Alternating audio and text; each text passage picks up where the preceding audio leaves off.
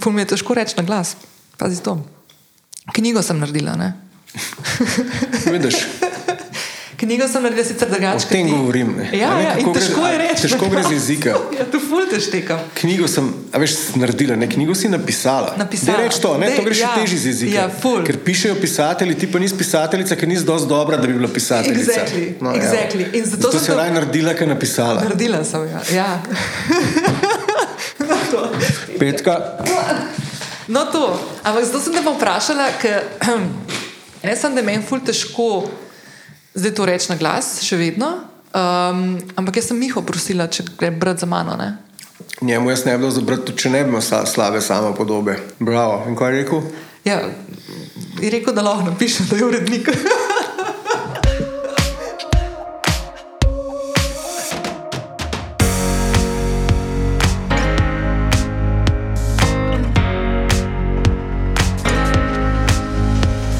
Dobrodošli na podkastu Lovim ravnotežje. Z vami sem vaša gostiteljica Nina Gaspari. Danes je petek in čas je za svežo epizodo tega podcasta.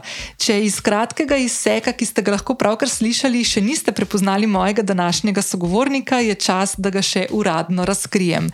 Danes se pogovarjam z Miho Šaleharjem, priljubljenim radijskim voditeljem, kolumnistom, kolegom podcasterjem in pisateljem, ki prav v teh dneh predstavlja svojo novo knjigo Notranji pir, v kateri govori o svojem odnosu do alkohola in rekreativnega pjaničevanja.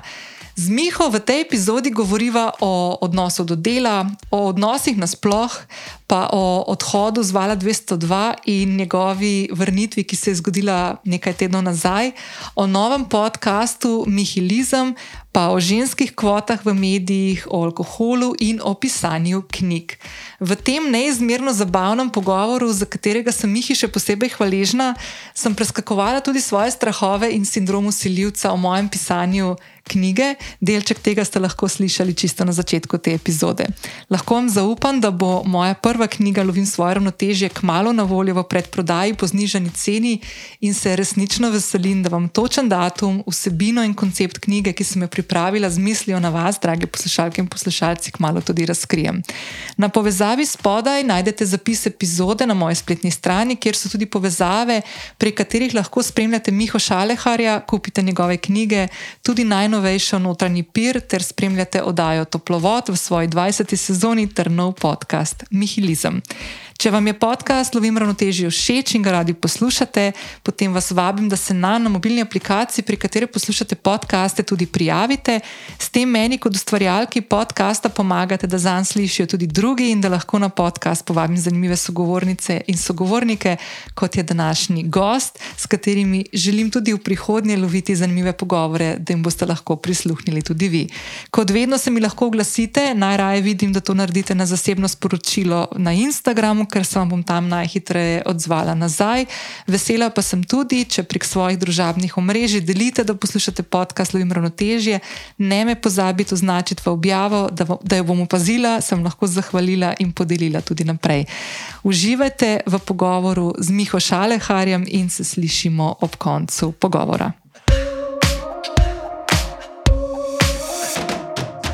Okay, a zdaj sva že sva, živijo. živijo. Kako si? Dobro. Mislim, tako okay. ugotavljam, da je tak prvi čiste za resen jesenski dan. Okay. Mal me zebe, uh Mhm. -huh. mal tugujem, uh -huh. ker sem tako izrazito človek pomladi pa poletja. Enako. Um, in se pripravljam na to, da bom sprejel zdaj pol leta te vzhodno-nemške sivine uh -huh. in prav z tega, ki je pametnega narediti. Uh, Počasi se učim, kako se reče, uživati v jeseni, pa zimi. Ampak ne vem, če mi danes samo da prvič bundo gor, pa Aha. v prstke me zebe. A pa si izkoristil poletje? Ma se mi zdi, da sem ga kar Okay. do štrikca, kako se reče. Sem dobro sem ga izkoristil. Ja.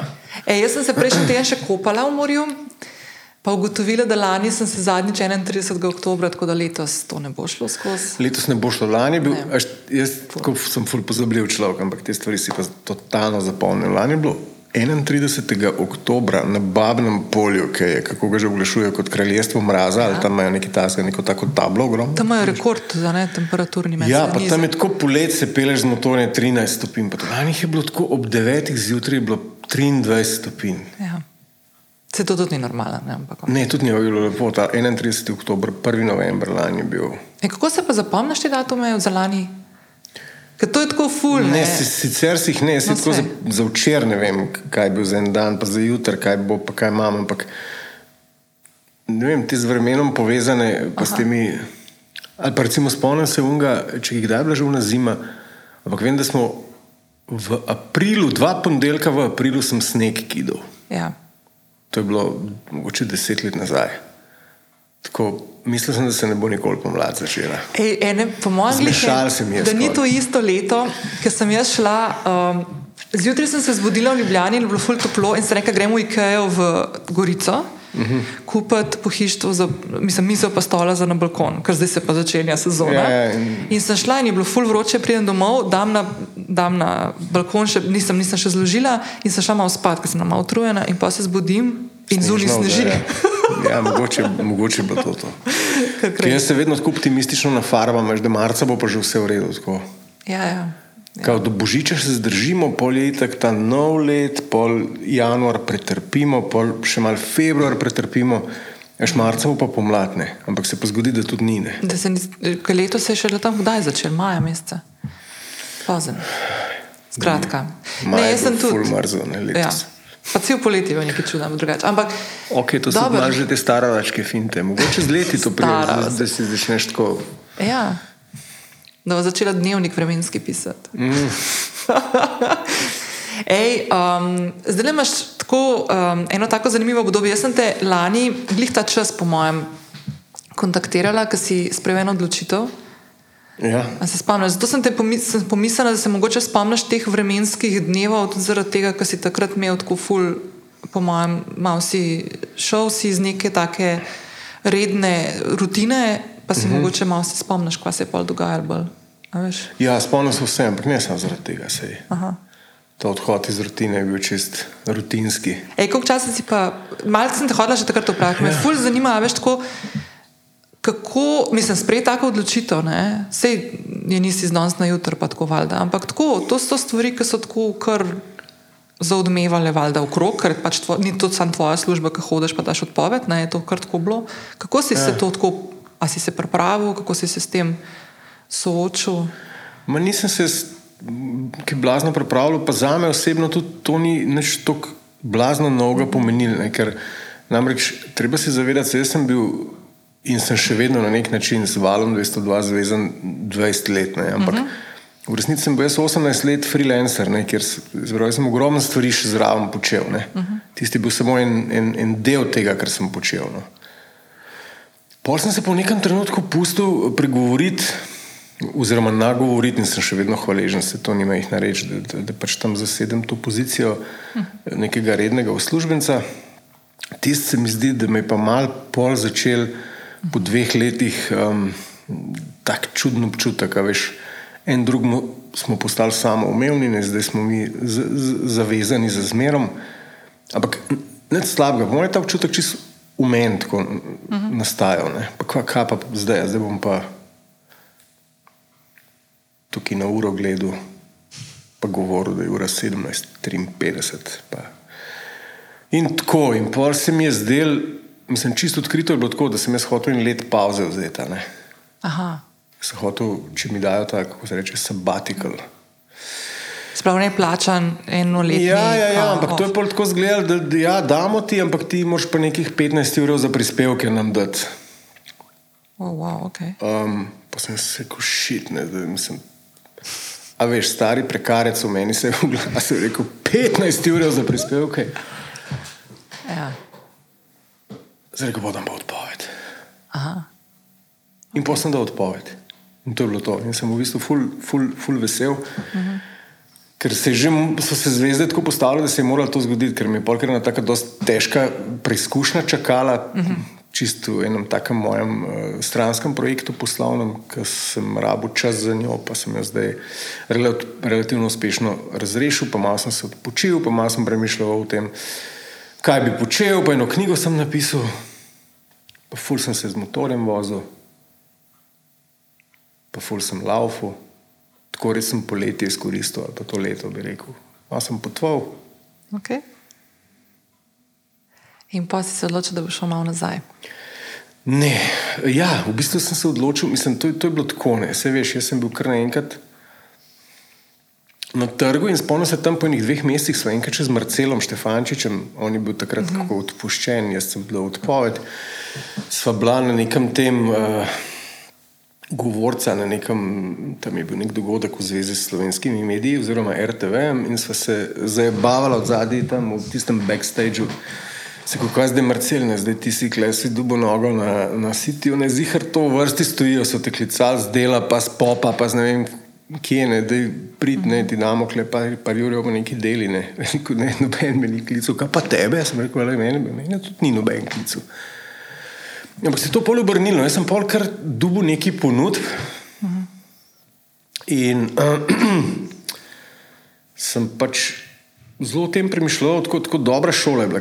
Ena ponudba je bila tako, rekel, bom rekel, zelo mikavna skozi eno tako Aha. materialistično prizmo. Res eh, sem iz eno TV oddajal, ki bi se tako štirikrat na teden vrstila, ponujala, ker je zelo lep denar, mislim, to ga je še v življenju nisem zaslužil.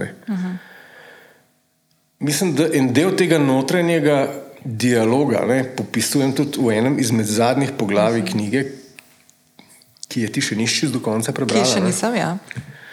Um, no, takrat sem se odločil, da ne, ne da itak, ni, ni ta denar, zdaj tisti, kar bom zdaj pri skoraj 50-ih tako besno zasledoval, niti mi ga tako akutno ne primankuje, da bi uh. -huh. zdaj se mogel čist hudiču prodati, pa se tam z enimi PR-okami vsak dan pogovarjati, kaj je šlo v 18 minuti na robe, da rejtingi ne dosegajo tistega, kar smo v pogodbi določili kot sprejemljivo za tak honorar, da bomo lahko še v glase prodajali.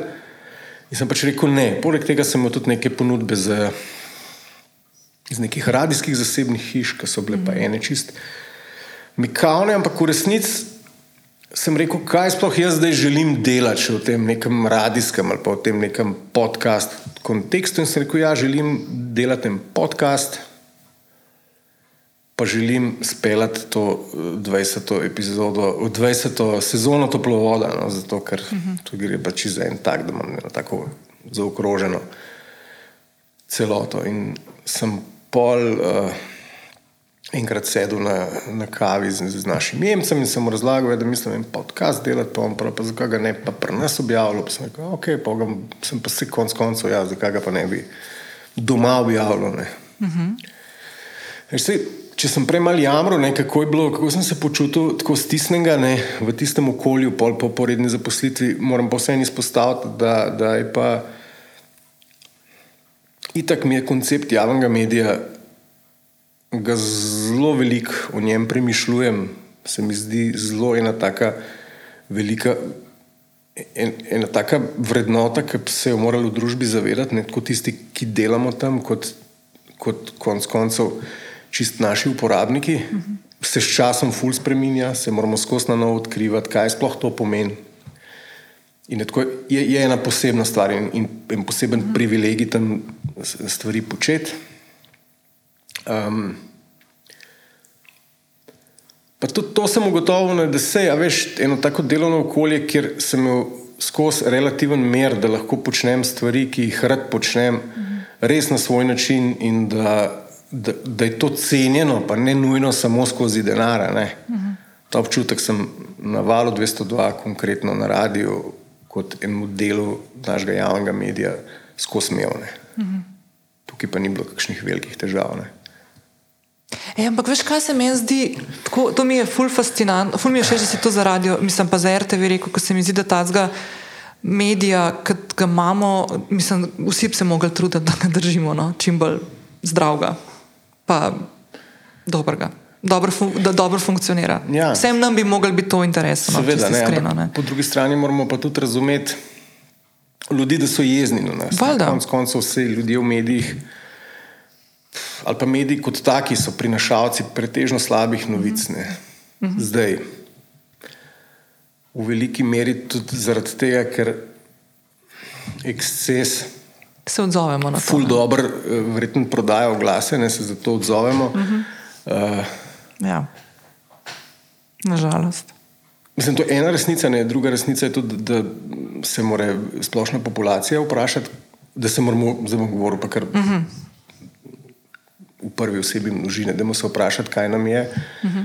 da nam eh, sperma in kri v tej meri dogajata, da, uh -huh. da je to tisto, kar pravzaprav eh, dviguje rejtinge uh -huh. na vseh platformah, pa konflikt, pa, uh -huh. Pa tako naprej. Ampak vse te stvari so, so, so tako malo prepletene in, in, in, in vredne enega razmisleka. Ampak razumem pa ljudi, da so jezni na medije. Ja, ja, ja. Ne, tudi absolutno. Ampak mene, mene je žal to, da so se da vse te jezi. Smo se pustili tako zmanipulirati, da so mediji nekaj, kar ne rabimo. Ne?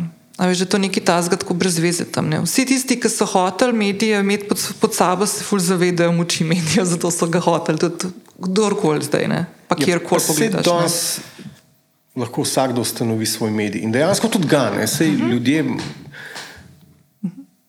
A, veš, kaj me motne? Mot me ta neprestana mantra, da je z mediji nekaj narobe. Uh -huh. Meni men se ne zdi, da je z mediji nekaj narobe. Meni se zdi, da, so, da imamo najboljše medije v zgodovini človeštva, kar je mogoče malo nasprotuje temu splošnemu vtisu, pa enemu občutju, ampak konec koncev toliko dobrih vsebin. ne. Pa tukaj raznolikih vsebin, ki jih lahko danes poiščeš z malo spretnosti na telefonu, v eni uh -huh. minuti tega nisi mogel narediti ni, nikdar v zgodovini. Uh -huh. Če si pa pač uh, len, uh -huh. pa uh, dovoliš, da se stvari servirajo same od sebe, si, si pa v resnih težavah. Tako da se mi zdi, da izziv medijev v prihodnosti je predvsem medijska pismenost, predvsem kako odjemalc medijev sebe postaviti uh -huh. v to vlogo, ne? glede na to, da on že samo pozornostjo plačuje ful medijev, uh -huh. ki jih konzumira. Ne? To, to je taka ful odgovorna pozicija tudi strani odjemalca. Veš, mi vse čas pravimo, ja, odgovornost je na strani medijev, kaj zdaj te uredniki, pa te oglaševalci, pa to, ja, pa čakaj malo, kdo uh -huh. drži v roki ta jebeni telefon, ne? kdo uh -huh. skrola na skretu, da ti noge odmrejo, tisti Instagram, tri božje matere, ti modelne in si dovoliš, da oni tvojo eh, možgansko biokemijo manipulirajo, kar jim, pač, jim pač paše. Ne? Mi moramo zauzeti en odgovoren odnos do tega. No? Jaz se ful trudim, ne gre mi lahko, ne? ampak kar eksperimentiram zadnje čase s tem. No. Ti si se ful umaknil iz teh omrežij, tudi ful. Veš, zakaj sem se umaknil? Tako nehal sem, mislim, v nekem trenutku sem pogruntil, da obstaja neka korelacija med tem. Jaz sem bil tako samo na tem nesrečnem Twitterju, ne, ki je bil na začetku fulen lušten plac, pol je postala ena taka nočna mora v tem odsajtu COVID-a, je pa to eskaliralo uh -huh. do, do, do tega, da pač stvari nisem mogel več prebavljati in sem se umaknil. Ampak vmes sem pa opazil en, eno zanimivo povezavo, eno zanimivo korelacijo, da bolj, ker sem bil jaz razštelan, torej v nekem neravnovesju, bolj, ker sem bil razrvan, bolj, ker sem se slabo počutil, več sem tam bil. Ne. Uh -huh. Ne, in pa sem se zamislil, da verjetno tudi ljudje, ki so tam skozi prisotni in da, da, da, da pač nekaj tam kompenziramo, nekaj, nekaj narobe s tabo, da tam skozi neki bezaš in se vtikaš v neke ljudi na bolj, ali, bolj, več ali manj neprimeren način. Uh -huh. Mislim, zakaj bi se jaz izpostavil takemu okolju? Toksičnemu. Tako mi je bilo čisto brez veze. V nekem trenutku sem ugotovil, da tam preprosto ni nič več dobrega za me. Okay, je tako uporaben, če želim jaz enemu širšemu krogu ljudi povedati, da bom to pa to počel, recimo na toplovodu ali pa. -huh. Verjetno bom objavil, da bom drug teden, v četrtek, promocijo knjige. To se mi zdi fajn urodje, ampak uh -huh. um, se mi zdi, da je. Pa zdaj ne vem, če moj finta premalo poznam, so šli algoritmi v to smer, da, da, da bom rekel, neke, da, te, da me tako poznajo, da, neke, da, da, da mi v, v to časovnico umeščajo neke provokacije, neke neprimernosti, neko, neko verbalno nasilje. Nek... Jaz sem pa občutek, da so vse podarili. Da, jaz sem si tako ful naredila, zavedajoč se, da to mm. delam mehurčka svojega. Ne? Na Twitterju govorim, ja, ker mi je ja. fajn bilo, ker nisem mogla uno greznico mm drugo gledati. Ne? In zdaj opažam zadnje par mesecev, da dobivam neke stvari, pa jaz ga tudi uporabljam zelo enosmerno. No? Zelo redko, kakšno stvar Ja, se ja. odzovem, ful malo ljudi sledim. Ampak mi uletava na timeline tako stvari, ki nikoli ne vem, odkje bi potegnil. Dobre? Ne, sami neki bulšiti, veš, okay. pa neki kvazi podporniki šefa, lastnika. Mislim, ja, jaz zdaj nisem ne, ne, Mogoče nek, nek specialist, niti IT odstotkov, ampak predstavljam si, da je poslovni model tak, da, da, da zdaj oni.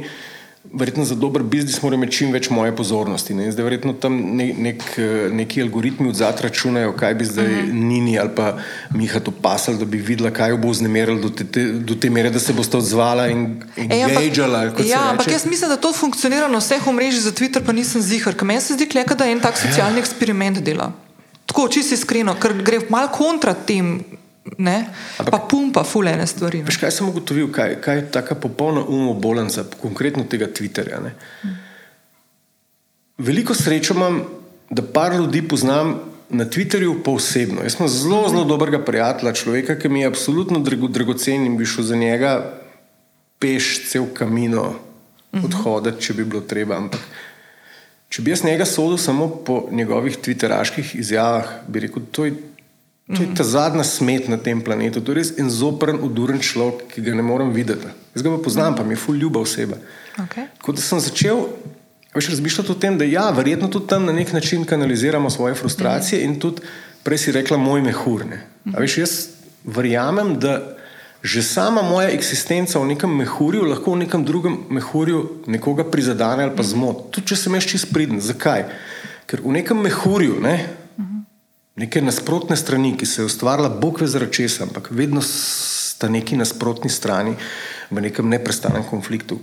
Želim reči, da v nekem nasprotnem mehurju nekdo že samo obstoj mene, ne, uh -huh. veš, skozi neko stereotipizacijo, se pravi, kaj sem jaz, ne, kaj jaz v nekem okolju predstavljam kot neka blagovna znamka, Miha Jebeni Šalehar. Verjetno, a veš, nekdo vidi en niz stereotipov in ga že sam To, da je neka objava vezana na me, pa če tudi bi govorila o tem, da sem vem, siničko pobral, pa in na tresu zrnja v hudi zimi, ga zmot do te mere, da bo čist popolnoma ziritiran.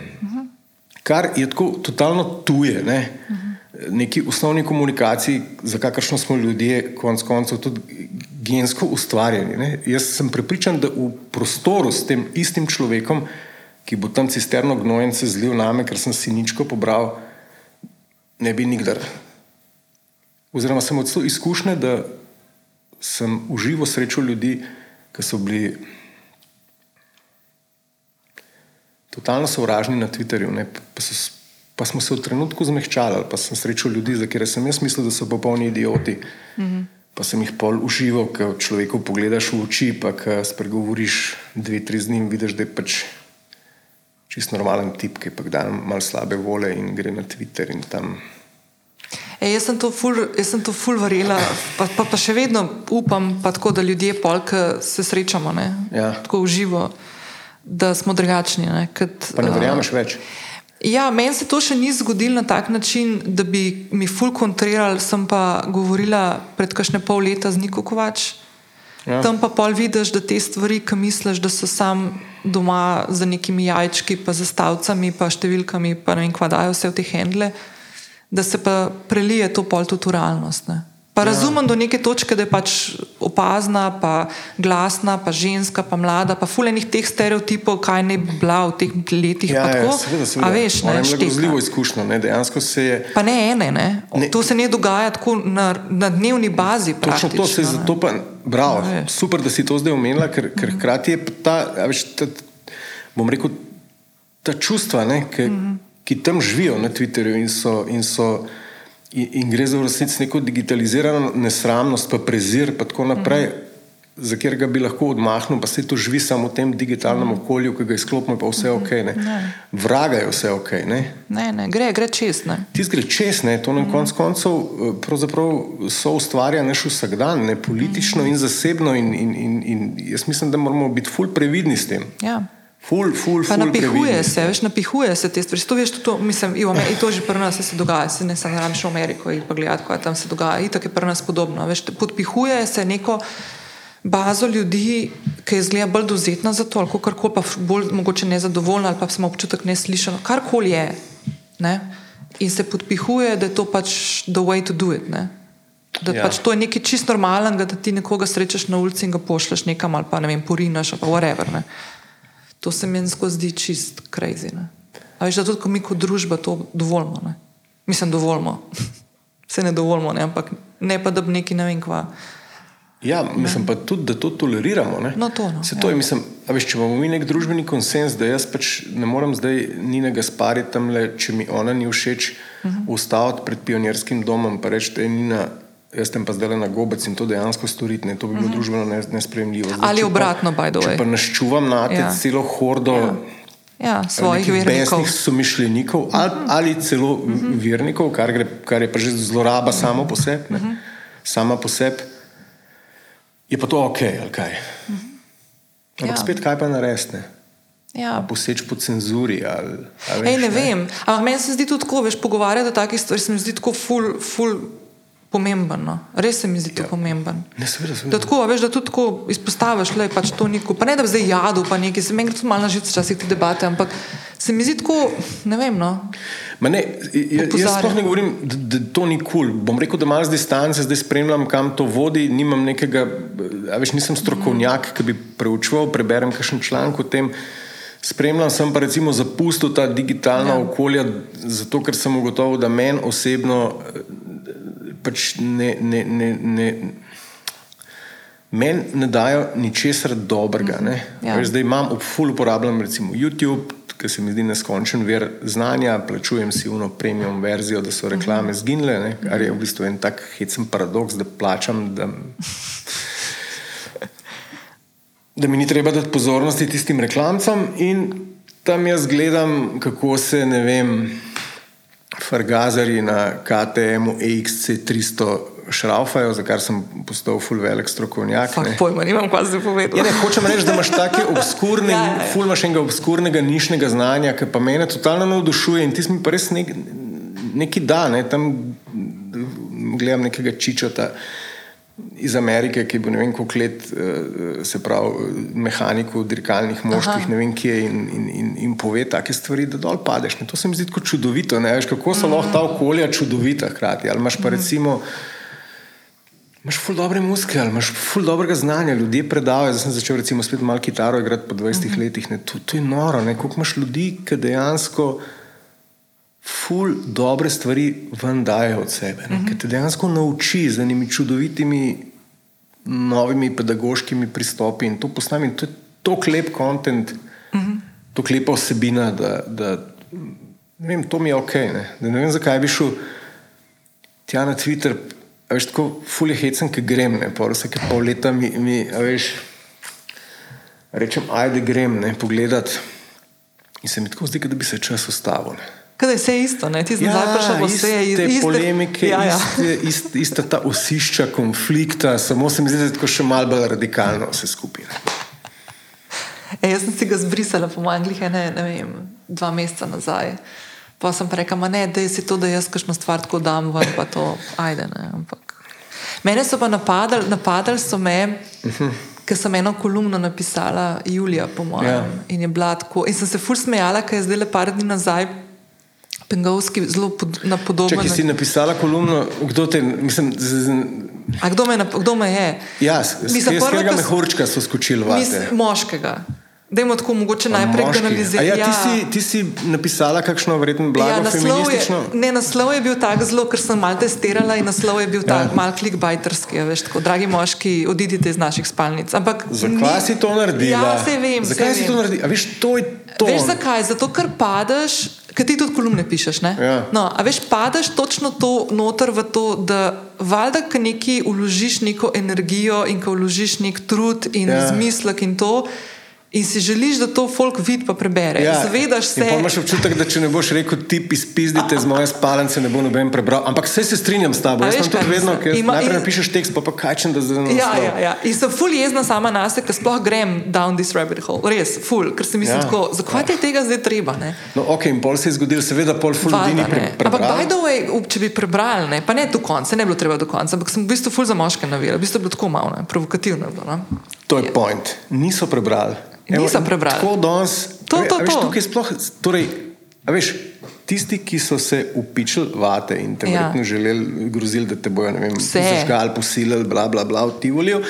Ne, oni sploh tega niso prebrali. Ne? Ne. Ti si zgolj. Obstaja. Veš, padla v ta ja. njihov kontekst, veš, te neke stereotipne avše, ki zdaj tipe ja. preganja iz spalnice. Ja. In to je krizi. No, in meni se je zgodilo pa podobno z nasprotne strani. Jaz sem pa enkrat od Ulepo do Ojstršek, lisice, mice, nek Aha. tekst, tak samo po lajko, srček sem stisnil. Ona je takrat v, v zagovor napisala en tekst, da se tipi so tudi ok, da jih ne rabimo čist zdaj, ne, čist, ja. čist spremeniti ne, v neki, kar niso, da so čist ok. In jaz sem lajk stisnil. No. Ampak Ta moj lajk je potem živel popolnoma svoje življenje, brez moje intervencije. En teden in jaz pa pridem, takrat sem recimo take tedenske intervale, da sem se vračal na Twitter in jaz pa pridem čez en teden na Twitter in sem bil zagovornik kulture posilstva. Oh, wow. Wow. Hočem reči, da med ja. temi radikalnimi babli ne, in med tem, kako lahko neka površnost, pa nek, mm -hmm. nek, veš, to je vprašljivo meni. Če bi se ljudje borili za tisto, v, v kar verjamejo na pošten način, ne do sebe in drugih. Uh mhm. -huh. Do tega ne bi prišlo. Ampak tukaj gre zgolj za.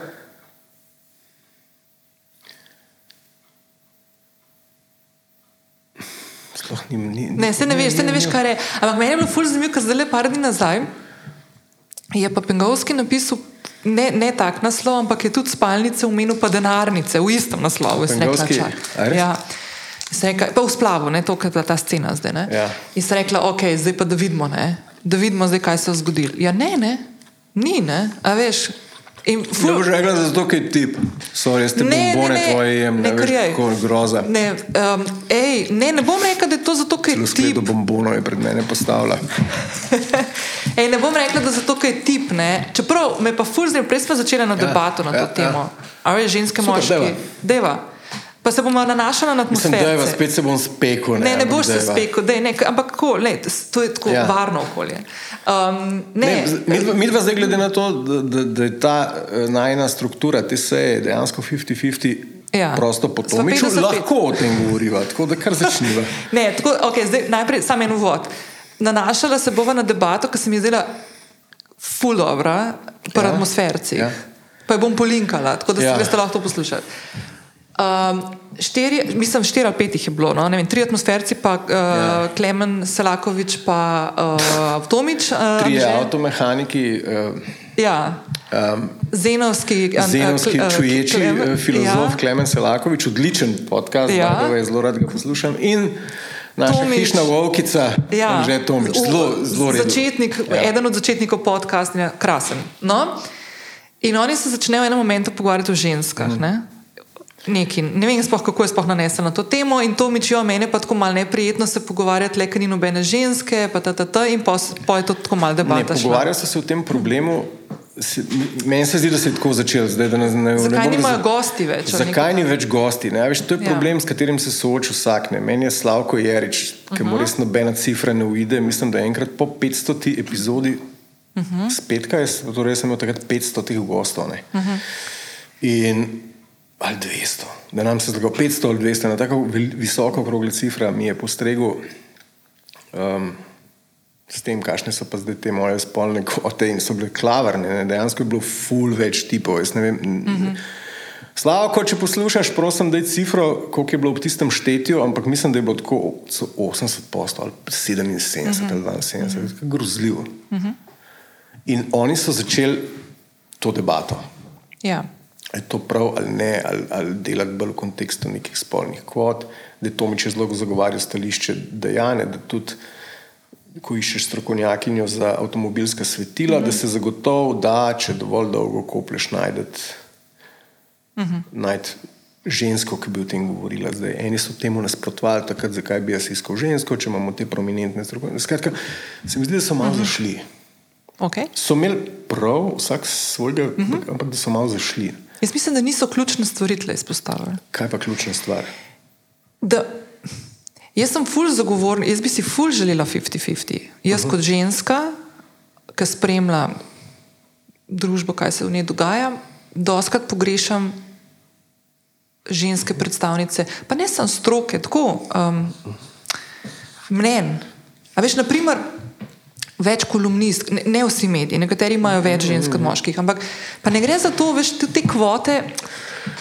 Jaz razumem, zakaj so pa ful dobro, da so pa vse, ampak mene kvote po drugi strani malo tudi postavijo v vlogo, da sem zdaj jaz nekdo, ki rab pomoč, da nekam pride pa pove Ja, svoje ja, mnenje. to je tako, k temu se reče pozitivna diskriminacija. Exactly. pol. Exactly, ne? Veš, kako je, veš, kako jaz razmišljam o tem? Tako, fulejnih stvari je treba vzeti v obzir. Uh -huh. Dejstvo je, mislim, ta patriarhalna zgodovina ne, naše uh -huh. civilizacije je nekaj, česar pač ne moremo zanikati. Uh -huh. In je nekaj, kar v resnici moramo razmisliti, ki je še vedno ful prisotna, na čemer moramo delati. Uh -huh. Moramo biti pa seveda pri tem zelo pazljivi, da ne zaidemo. Uh -huh. Moj oseben pogled na, na, na oba spola je pa tako, da sta itak en neskončno komplementaren čudež narave. In da mi itak ne moramo en brez drugega in da si moramo biti hvaležni za to, ker smo taki, ki smo uh -huh. en drugemu. A veš, tam se mi je zdelo v tisti debati malo trapast, ker so pol, oni začeli, ja, pa zdaj za avtomobile se bolj tipi Ful so zanimajo. šli na poklicno tudi. No. Ja, ampak to je Štekam, trapast, ampak po drugi strani je pa tudi, a veš, mogoče neki tazga lahko eh, mogoče razumeti v kontekstu, ki pa so šli pa predaleč, ne pol je pa, a veš, tam Vovkica Tomič trdil, ne, vse je zgolj konstrukt družbe in nekih konceptov, ki se jih preučimo. Ja, le stari, mogoče pa ni čistko, ne, a veš, sej. Mi smo tako čudovito različni, mi imamo tudi vsled naše hormonske slike, drugačno biokemijo v glavi. Konec koncev, če greva onkraj spolov, ne tudi kot otrok, imaš ti drugačno uh -huh. zaznavo, pa drugačne preference. Pa ne govorim, da smo si zdaj, ampak te stvari. Hočem reči, da so mogoče preveč čudežne, pa da jih še vedno premalo razumemo, uh -huh. da bi jih lahko odpravili z neko tako simpel tezo, da bi rekli, da pa spoli so pa absolutno konstrukt. Veš, Ne, samo veš kaj, ampak ena stvar, ki naprimer jaz, in to, to sem pol tudi Cirilu povedala, pa smo imeli ful dobro debato. Ja. Ena stvar, zakaj, zakaj sem jaz navijam za to, da je 50-50. Zato, ker jaz živim kot ženska v svetu, kjer v medijih ali pa na navijam za dogodkih. to, da je 50-50, absolutno. Ne, ne, ne, se nisem mislila, da ne, se tešiš tekam. Ampak, a veš, kad tvoj svet ustvarja večinoma Ja. moški pogled. Pa jaz ne rečem, da je pravilen ali pa napačen. Sploh ne gre za to, ampak je moški pogled in ženski pogled se v velikih primerih razlikuje. Ne, da je boljši ali pa slabši. Seveda, drugačen je. uravnotežen ni svet, Exactly. zato, ker ga exactly. pač Exactly. furamo tipi in je svet je mo moški princip. No, ampak, že, a veš, ampak mene moti. Biden, ja. Ja. ne, Bibi Netanjahu, to so playeri zdaj, ja. Big cojones, razumeš, testosterona, polni žakli. Jaz sem ne, jaz, ja. mislim, jaz so, pa zdaj bojo rekli spet, ker seveda nekomu nam všeč le ga pokroviteljski pezde, ampak meni men se, men se zdi, da bi morali biti sploh v, v tem, mislim, kje bi morali, ok, če pustimo zdaj razsvetljavo pri avtomobilih. Ne, uh -huh.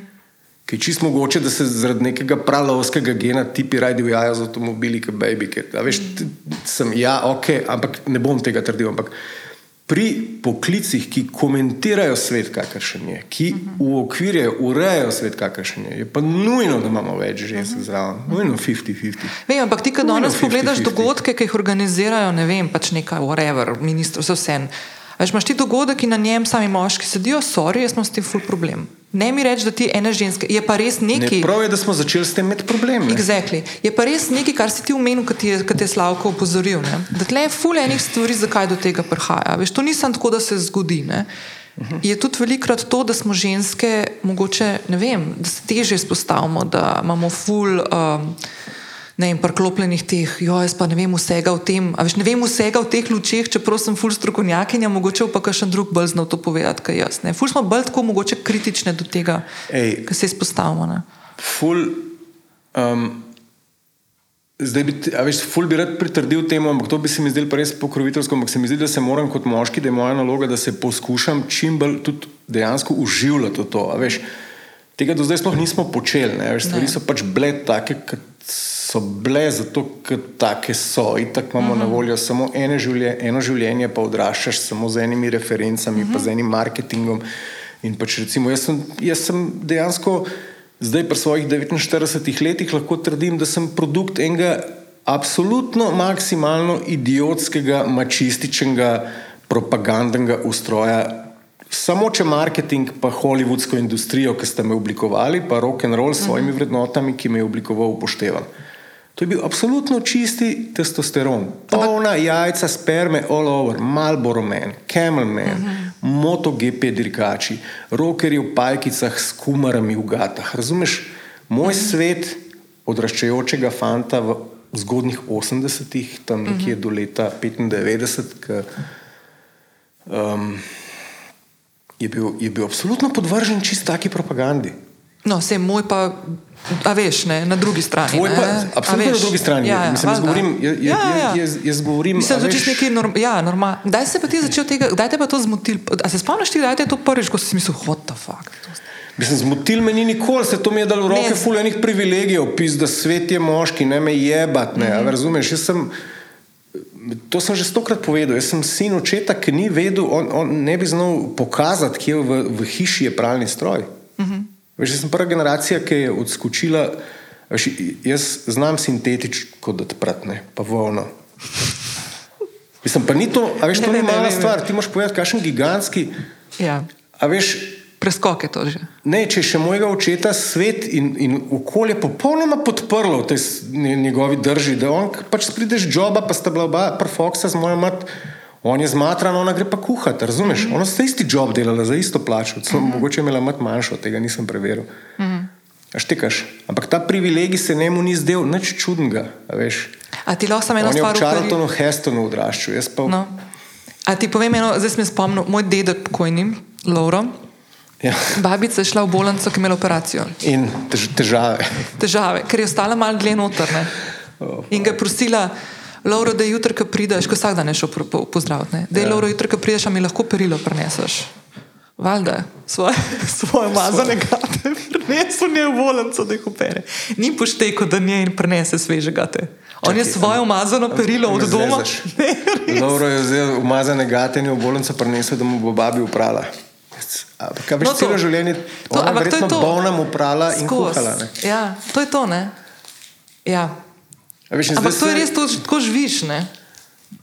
Pa se niso samo te stvari, ne vem, se mi zdi tako. Ker tle se pole ena druga stvar, to sem jaz pol in Cirilu in Klemnu. Ne. Sem rekla eno stvar, ki bi ful si želela, da greš ta vid malo odkrivati. Ne. Kaj, kaj se zgodi iz tega ven? Ja. Ti, koliko imaš ti starega sina, te starejšega? To sem hotel povedati. Ne? No. Jaz sem zdaj že ful naredil to neko tranzicijo. Ne? Pa pa tam malo, ne? tako to so se skregala. To je bilo lani pred Božičem, na, po Božiču, na polno. Ne? Ali je bilo to predlani? Zato, ker pol je vmes on dobil že punco in, je, in zdaj živita skupaj, ker je star 21 let in ga je že marsikaj naučila. Ne? Ampak preden ga je pa ona marsikaj naučila, je pa on so enkrat po neki božični večerji, se mi dobiva, greva, točno vem, tja sva šla. Um, Tam na začetek Šmartinske, ki je una modra čevapdžinica, smo šli na čevape in pol tam malo pravi, ja, veš, fotor, nekaj ti moram povedati. Ne. Aha. Što zadnjič, ko sem jaz videl na večerji, veš, ti si skozi rezal ta neki meso, pa nosil na mizo, pa to. A te, mislim, a se ti ne zdi, da, tako, da bi mogli to ženske narediti? pa to? In pol jaz, ja, kje si pa ti, mislim, zdaj, veš, jaz ti nisem zdaj te neke reference, se mi zdi, da je, da je, zakaj ti zdaj to kar naenkrat zmotil, se jaz vedno pač narežem ali pa dam na mizo, pa umijem posodo, to ni zdaj bil tak enkraten dogodek, da bi njega vznemiril. Ne? Uh -huh. In mi polno začne razlagati od tega Andrew Tate. No. Takrat sem jaz postal pozoren. Ne? No. Ampak mislim, da je bila ta, eh, ta doktrina Andrew Tate z, njegovo punco, zelo lušno punco, ma, je bila kar dobro neutralizirana. A to v Romuniji? Ne, ne, ne, ne. A ja, to ti si, ti si neutraliziral, sorry. Ne, on je, mislim, eh, da, mislim, da je tam avto meni prodajal. A ja, takrat okej. še ni imel te ja. punce, ampak mislim, da je zdaj punca neutralizirala Andrew Tate v njemu. super, ok, ok. Se okay razumeva? sorry. Ja, ja, ja. oh, Ne, da se nam zaplizli, smisel- to je ne, taka ne, tema, ne, ki se hitro- Pravilno, super.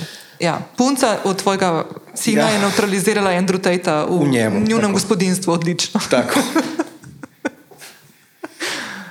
Ne, ampak veš, to sem jaz prav rekla, ima, no, uh, Cirilu in Klemnu. Ja. Da ena stvar, ki se mi zdi tle, jaz poslušam enega, enega modela, američana uh, Scott Galloway, ki raziskuje mlade fante, pa moške odraščajoče, mm -hmm. koliko so zgubljeni. Ne? Ja. Kako so zgubljeni zaradi različnih stvari. Eno je, da so odsotni zgledi, pozitivni moški iz, ni- v njihovih življenjih in tako naprej. Ena stvar je tudi ta, da velik, eh, so usamljeni, da so večino časa na ekranih, kjer jim pridejo razni uh, odgovori v obliki tako in drugače, malo posebnih uh, modelov in zgledov, kot so Andrew Tate in širše. Uh -huh. Plus, da velik, mislim, to se pa tudi že v Sloveniji, sem še prav statistiko gledal, koliko je v bistvu upada fantov, ki grejo študirati, ki zaključijo uh, srednjo šolo in grejo kamorkoli naprej. Uh -huh. In je v bistvu dva pa pol proti enemu fantu ne, v Sloveniji trenutno, v zadnjih desetih letih se je to zgodilo. Ne. Da je šlo je približno tako uravnoteženo. Ja, a veš, in pa rečeš tako, eh, pa se ne rabu vsak faksa, se strinjam, valjda da ne. Ampak imamo še ful druge stvari, ki na koncu vse smo malo živali, ne, veš, vedno. Ne. Ženske, ko zbiramo partnerje, gledamo partnerje, da, smo, da, nas, da se učimo od njih, ful nam je to seksi, da so bolj. A veš, ne vedno, ampak a veš, moški pa včasih kontra. Ne. Wow, Mislim, veš, ta fenomen ful- je težko. Ne vem, če bi si upal to komentirati. Nimam prav, prav, prav izdelanega nekega mnenja. Me pa ta podatek osupno, skratka, ful manj. Ful manj te prav razumem, ful ja. manj tipov kot punc hoče Ja, ja, več, ja, ja, absolutno. absolutno. Ful so, ful so, in, in trend je v to smer, še vedno ne, tako raste, pač ta uh, razmerje. Ne, Aha, in zdaj bojo začeli govoriti o feminizaciji prej moških poklicov. Ampak so feminizirani poklici. Ja, A veš, kaj si smiva prej, ko smo se pogovarjali o tem Sodje, pa, pa izobraževanju, vzgoja.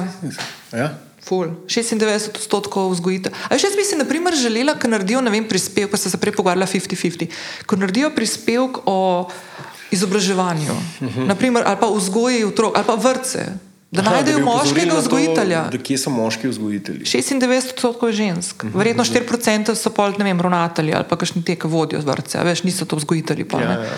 A veš, tu take stvari. Jaz sem še gledal, ko imam nečaka, ki živi v enostarševski družini, pa vidi očeta ne vem, vsak drug vikend, pa en dan vmes. Ja. Kje on vidi moške v svojem življenju, ki je pet let star? Kje jih vidi tako vsak dan? Ja. Ja, ni jih, ne. Pediatr, če je bolan, to ni vsak dan. Ne? Ja. Hodil na neki natelovat bolan, je bil vas vesel, ko so bili tam meni moški, pa so bili dva tedna jih imeli, pa so pa punce prevzeli slučajno.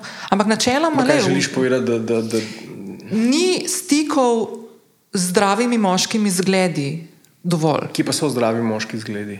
Ja, včasih bi bilo fajn, da so tudi doma. Ne? Oče, govorivo Ja, ampak se je ogromno tudi družin, ki niso skupaj, ali pa ne vem, ali pa fotor, ali pa mrtvi, vse, oboje, Ja, ja, ja, ja, delajo, niso, ali pa, ali pa so. Ali pa so, pa niso prisotni, so na telefonih, so na televiziji, na ekranu, v računalniku. A veš, to ti Ja, hočem reči. se Tega ni. ne. pomeni, mislim, kaj to je družben problem, to ni so naš. sploh ne. kriteriji, ki ukvirjajo in, in za začetek zdrav zgled Ja. zdravega moškega, recimo sodobnega. Kaj bi to bilo? Resno se sprašujem, ker ne vem. Ne?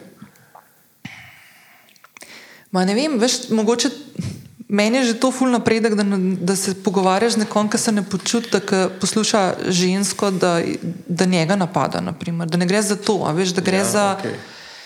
Da je dovolj stabilen, pa samo zavest, da ne čuti teh stvari kot napad osebe na njega, di- direktno, mm. ker ni to forane. Mm. Veš, tukaj, jaz pa ti imamo oba, naprimer, en kup enih svojih plusov in minusov. Veš, pa ne gre zdaj, pa oba smo produkt družbe iste, v kateri praktično skoraj podobno stara, tudi ista generacija. Ampak se, se mi zdi, da to, to, to se spremenja. To ne? se, se, se. Se mi zdi, da se spremenja. Se, ne? se. mi zdi, da, da postajamo bolj občutljivi Občutljivi. za te stvari. Ja.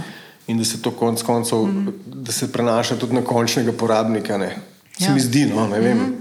da so to Se. neke vred, nove vrednote, ki so. Ja. A veš, ne sej, verjetno, če gremo malo na podeželje, še 30 let nazaj, babo malo nabutati, se je težila je bilo tako neki. Ej, ne rabiš 30 let nazaj. Jaz sem to imela, Ja, to, kar sem ti omenila, kolumno. Ne? Ja. To sem jaz imela pogovor z mojimi poslušalkami, ki so se javljale. Malo smo se pogovarjali o teh vlogah ženske ne, v družbi danes. ne. Ja. Pa so punce, ki živijo tako, mislim, vse Ljubljana ni Slovenija, to se vsi zavedamo, ampak pa, pa pridejo kakšne take stvari, ki te pa res ful presenetne. Veš, ne vem, da, da so punci tam, ki prihajajo iz ene gorenske, v Siši nedolgo nazaj starši rekli, da pričakujejo, da bo doma ostala, pa da bo skrbela za, Za za babico, pa detka, pa pa še za njo. Ali pa, naprimer, um, ko greš pa študirati, ne, veš, to pa res Ja, ni no, treba. Sej, mislim, vse na drugi strani verjetno tudi od fantov pričakujejo, da bodo isto. domače avto, kleparstvo ali pa vulkanizerstvo prevzeli. Tudi- Ja, ja, ja. tudi to So, se- so, so, še vedno so te stvari tako zakoreninjene. ne. Ali pa Ja. ne vem, ful me je presenetil en, ki se je eh, šokiran bil tle na barju Ljubljanskem, ki je vozila avto. Mlad moški. Ja. Kot od ženska voz avto ga je presenetil letos. A veš? Da ga je presenetilo. kaj? Ja. Taksistka. Ti, ne, prišla je domov s svojim avtom. A jo izpit imaš? A res? Ja. Še obstajajo taki. A veš, ja, ja, smo še obdani, veš, zanimivo je. No? Zanimivo je. Ni to tako, kar neki tam rečeš, ok, dej, veš, ne vem, moja babica avto vozila, moja babica avto vozila, ni detka pustila zraven. Ja, ampak po mojem A pa mislim, veš? mislim, ja, zdaj to. Ful zašla, se- ne? zdaj- Ne, sploh nismo zašla, zdaj smo se osrediščila na ta odnos med moškimi in ženskami. ampak Zdaj, mogoče, če nas daš pa skupaj, živimo pa v enem takem ful zmedenem času. Ful. Recimo, ful težko je zdaj odraščati.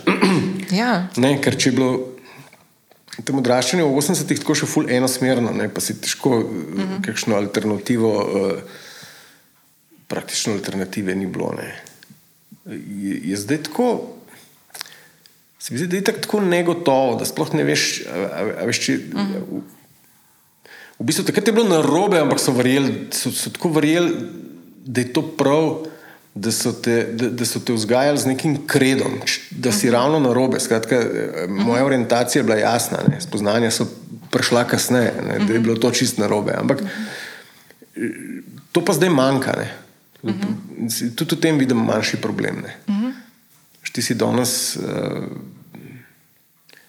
praktično imaš neskončno nekih identitet, ki so ti na voljo, pa ki se jih lahko uprimeš, samo verjetno na koncu nobena ni tvoja. Ne. pa skozi malo opaziš, kako boš kaj povedal. da boš koga- Ja, A veš, skozi tudi to, paziti, ta politična korektnost tudi ne. A veš, ja. Ali pa ti potegnejo pol ven. Je kakšen uh, srček, ki si všeč kot tvit nekoga deset let nazaj, a veš. Kva si se šel. Kaj si veš? se šel, ja. Ja, crazy. E, ampak to mi je ful dobro, to s sinom, da imaš, veš, to, da greš tam čevape, pa se malo tako podep. Mislim, to, ne, to so take, ti, ti so ti momenti, ne, ki začneš. Ja, to so super momenti. ne. Da ne. Tako je zanimivo pozvati uh, mlade ljudi, ki odraščajo ta svet. Mm -hmm. Tako. Meni se zdi, da bo ful dobr. Meni se zdi, da so tako ful. Uh, da, da bo tako samo, da, da, da mora to iti v neko evolucijo. To se mora, nekam, to, to se mora počasi v neki presnovitno. Ker se tako, če upoštevam recimo, mnenje mojega sina, je on, se mi zdi, da svet in njega prevaro vidi bistveno bolj transparentno, kot jaz pri njegovih letih. Jaz pri 21 letih sem fucking verjel, da je tako, kot je meni fotor rekel. Uh -huh. Da me je on osvobodil in jaz sem kle zdaj jogurte, pa Wrangler, kavbojke, pa All Starke v Ljubljani. Uh -huh. In da sit. In jaz moram zdaj samo pridno študirati in pač zmagati v tej neki karierni bitki in bom jaz srečen človek. Tam mali ne verjamejo več tega. Ne. Tam mali ne verjamejo več svojim staršem in to je ful prav. Uh -huh. uh, tako da je problem, ker se moramo mi zdaj starši, ki se gledamo v to ogledalo, totalno nejeverene, ker meni moj tam ni verjel, ne. že zelo zgodaj. Jaz sem se pol čez ne pet let šele ogledalo pogledal in sem ugotovil, da ima tam malo prav, ne, Saj jaz nisem kredibilen, zato ker jaz sam ne verjamem v to, kar mu pridigam. Ne. Tako da mogoče bo šlo pa obratno, da bodo oni, a veš, tudi, da nam pomagajo tudi, tudi nas, da, se, da, da si upamo zamajati kakšno svoje globoko zakorenjeno stališče, pa reči, fuk, to je res bullshit. Ne. Ej, Zdaj sem imela tvojo, zdaj spet kolegico Katijo Stojnič. Uf, dobra, ja. mlada kolegica. Ja. Imenitna je. Ne? Ej, raven zaradi tega, raven ta dženzine. Ja. In je ful, ne? mene, mene, mislim, gate trgajo. Ful so mi všeč, ja, meni so tudi všeč. Ne? res. Taki, sam, sam slišati jih je treba, pa prostor jim je treba dati. Prostor jim je treba dati. Ne? Ja. Boli pa, če jim daš prostor, boli ne. Ful. Boli ne, Katja je meni ti pove, ne? že zdavnaj razložila, da sem pač en star stalaktit, ki se v marsičem moti. Ne? Mhm. Ampak jaz sem ji ž- vedno znova pripravljen prisluhniti. Ja, ja. ja. Zanj sem se smejala, ker sem imel, malo preden si imel ti, um, da, da se navežem malo na tvoj nov podcast. No? Ja. Malo preden si prvo epizodo snimal, so bili v cukararni um, umetnost možnega uh Mhm. -huh. in so se pogovarjali, kako bi bil tisti teden, ki je naša predsednica imela uh, malo neposrečeno no, akcijo odslavljanja svoje svetovalke, uh -huh. aktivistke. Nič nisem, uh, nič nisem Ne, ampak fora je bila tem, da v bistvu so se šli pogovarjati mm, o tem, kako, pa to so bili medijski uredniki, ja, so se pogovarjali o tem, kako. Mislim, da je Ali Žerodin rekel, da on pa nikoli ne bi za svetovalca enega mulca tako le mladega vzel. ne. Da oni aktivisti so mu full cool in da jih spoštujejo včasih bolj kot svetovalce. Ampak da enemu takemu mlademu pa ne bi, se tako mislila, pismo, pa glih en tiskan medij bi bilo ful dobro, če bi kakšnega dženzijovca not potegnil, zato da malo kakšne stvari jim pomaga, ne postaviti kam drugam tudi. Ne. Pa da potegne noter novo bazo bralcev. Posod jih moramo Bralk, imeti. Ne? Veš, mogoče bi bile te kvote dženzijevcev celo bolj potrebne, ja. kot tiste kvote, o katerih so pregovorili. Ali pa oboje. Na, Ja, vse, pre, predstavljanje družbe. ne. Ja. Dej mi povej, prva epizoda podcasta, tvojega novega, Ja, je zunaj. ja, Ampak tvoj gost, ne, ja. niste se tikali, ne pol. Ne. Zdaj gredo gosta upravljati. ne. Ja, m- moj prvi gost je. je, je, je Kolega popolno- podcaster. Je kolega podcaster. Sigurno ga poznate, ker mu je drugače ime tudi Borod Pahor. Zdaj po protokolu se želi imenovati bivši predsednik gospod Borod Pahor, oziroma kar predsednik. To si ga ti tako imenoval? Ja, zato ker imajo oni po zakonu, po izteku mandata, so ne vem koliko časa še predsednik, pol Pol pa ratajo šele bivši predsednik. A ja, ok. Jaz sem se hotel v štartu malo pošaliti s tem, zdaj, ker naziv zdaj pravi, pa se gospodu bivšemu ni zdel niti tako smešen. Aha. Kar je tudi logično, vse, ki si ti enkrat na taki funkciji, mm. pa če jo želiš polno živeti, se mi zdi, da moraš -hmm. tako pristati na vso resnost, ki je povedana. tudi Ker to je inštitucija, zakonom. ne? to ni sam To je inštitucija. funkcija. ne. Ja. Ja. Tako da jaz sem se imel sicer čist fajn z gospodom Pahorjem, zelo lušten mm -hmm. sogovornik je bil, sploh na koncu, ki se je malo sprostil, ki je povedal ene dve, tri eh, zelo take čustvene eh, in, in, in, in luškane zadeve. Mm -hmm. Drugače so pa malo tako v krču, se mi zdi. No. -hmm. Veš, tako me ni izučil, jaz sem imel že blizu enih tažnih intervjujev po mojem življenju. In vedno znova, kadar imam s politikom intervju, si rečem, nikoli več miha. Ne. Pa, pa par let mine, pa spet A so bolj tako, kaj, bolj so pazijo, bolj kaj, so bolj zategnjeni. Pazijo, se mi zdi, da, to čist, da je to e- ena, ena, ena poklicna obramba, ki jo razvijajo, mm. pa malo sposobnost tega komuniciranja. Skratka, en tak skupen imenovalec zdaj jasno mm. to slogovno odstopa od posameznika mm. do pos- posameznika, ampak kar želijo doseči, pa to itak. eh, Politik je uspešen politik takrat, kadar novinarju pove tisto, kar on želi mm. povedati, ne tisto, kar novinar želi zvedeti. In mm. Valjda od politika, ki ima 40 ali pa 30 let staž, tako kot ga gospod bivši predsednik Pahor ima, ne, mm. ne boš zvedel nič, kar, Kaj že ne veš, kar se- že ne veš, ali pa česar on ne želi Ja. ja. deliti. Ne. Pa tudi zakaj bi, a veš, tiste bila ena taka mm. zelo zanimiva situacija. Mislim, meni je bilo čisto luštno, naj si posluša, kdo. Ne, pa še publiko sta imela, veš, da nista bila, to je bil tako ful tak moment. Veš, publika je bila, nista bila v nek studio zaprta, ker bi imela tam neko možnost tudi tega intimne, whatever. No. A Ja. veš? Zanimivo je. Ja. Um, kaj boš s tem podcastom? Kaj bo? mihiniz, Mihilizem, mihilizem. Na današnji dan, ko snemava, je zunaj. Ja, Ja, prva epizoda, dan je ta epizoda z gospodom, bivšim Ja. predsednikom. Ja. Kaj, boš, kaj je rdeča nit, kaj boš počel? Rdeča nit je da se pogovarjam z različnimi ljudmi, med njimi tudi ženskami. Kdo bo drugi sogovornik? In poskušam. Sorry. Mogla sem. Ta je bila nizka, vse ti bom na koncu povedal, ko bojo že malo pozabili.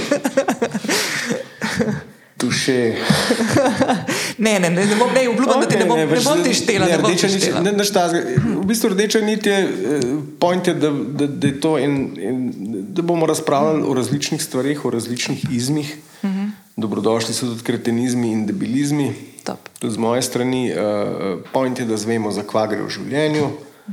Um, teme bodo pa razno razne, no, ne, ne želim se tako. Um, Pusti odprt, ja. Nišno vezati.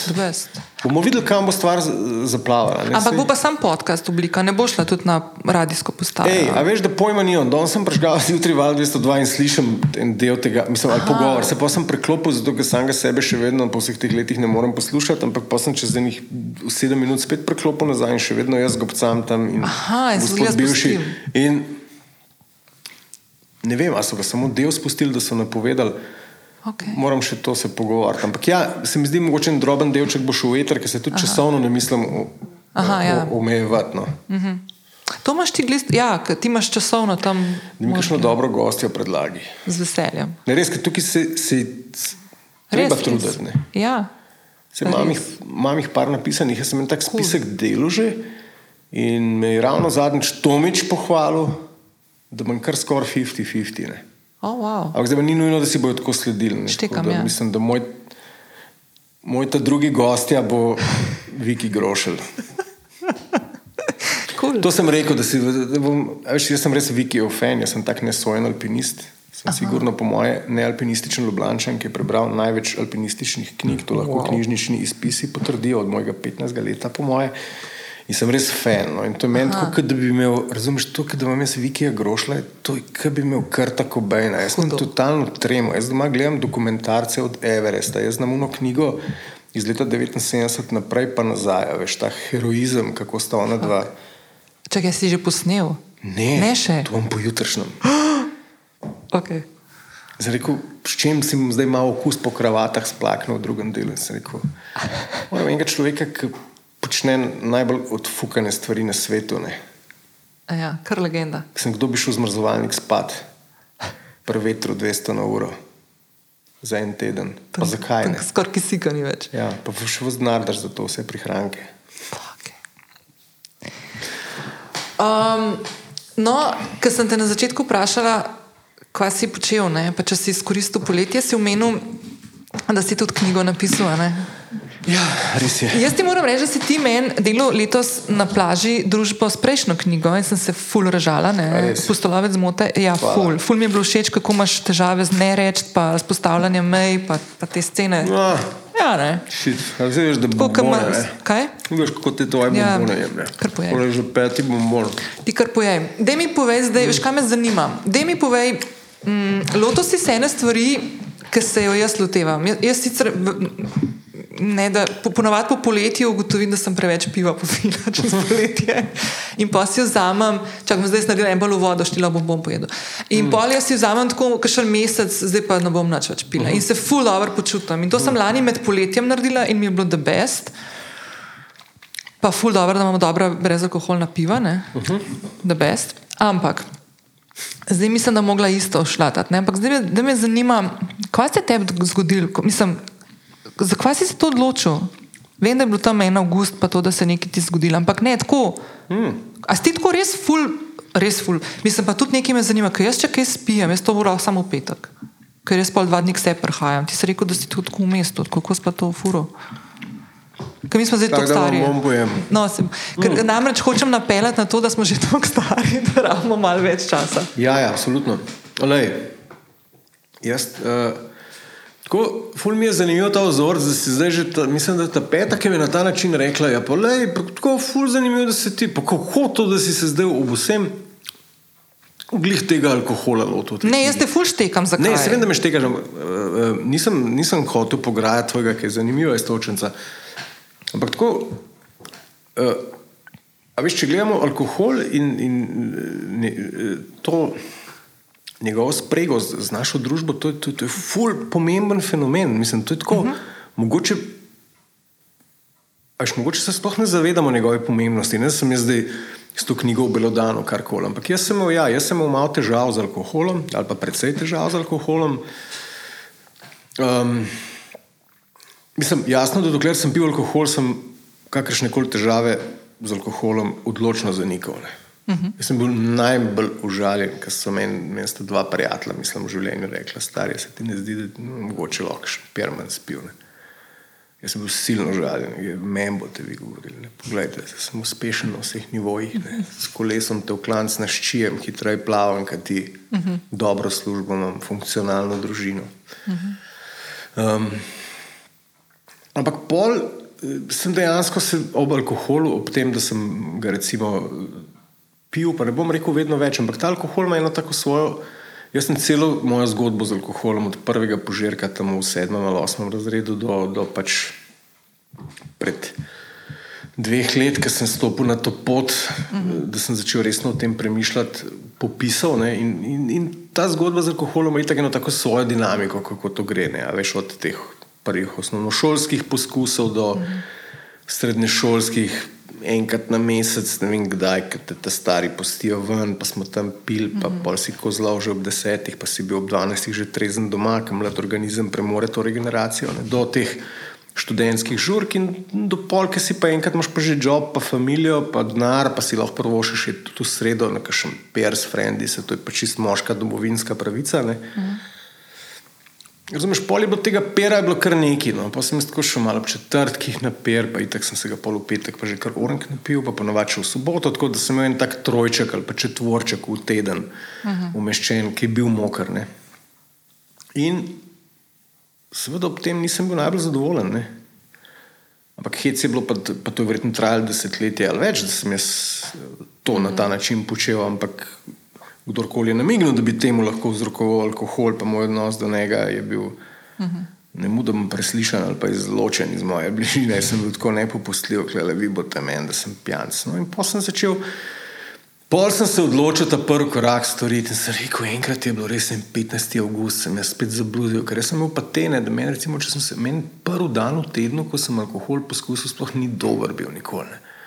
En drug dan, na malo mačka, takrat, pa, takrat so se pa meni te karburatorji odprli in sem začel usrkavati alkohol. In enkrat sem ga spet tako neki zabluzil, prav nagražen, in takrat sem se odločil, da bom s tem prekinil. No, in potem sem imel to prvo obdobje, ker nekaj ne, mesecev nisem pil, pa izdatno o tem premišljal, pa mal testiral to moje življenje brez. In takrat sem prišel do, do, do ful zanimivih zaključkov, ugotovitev, samo opazovanje, opazovanje tega, kako ta alkohol vpliva na me, na mojo družbo, s kom sem se družil, zakaj na tak način.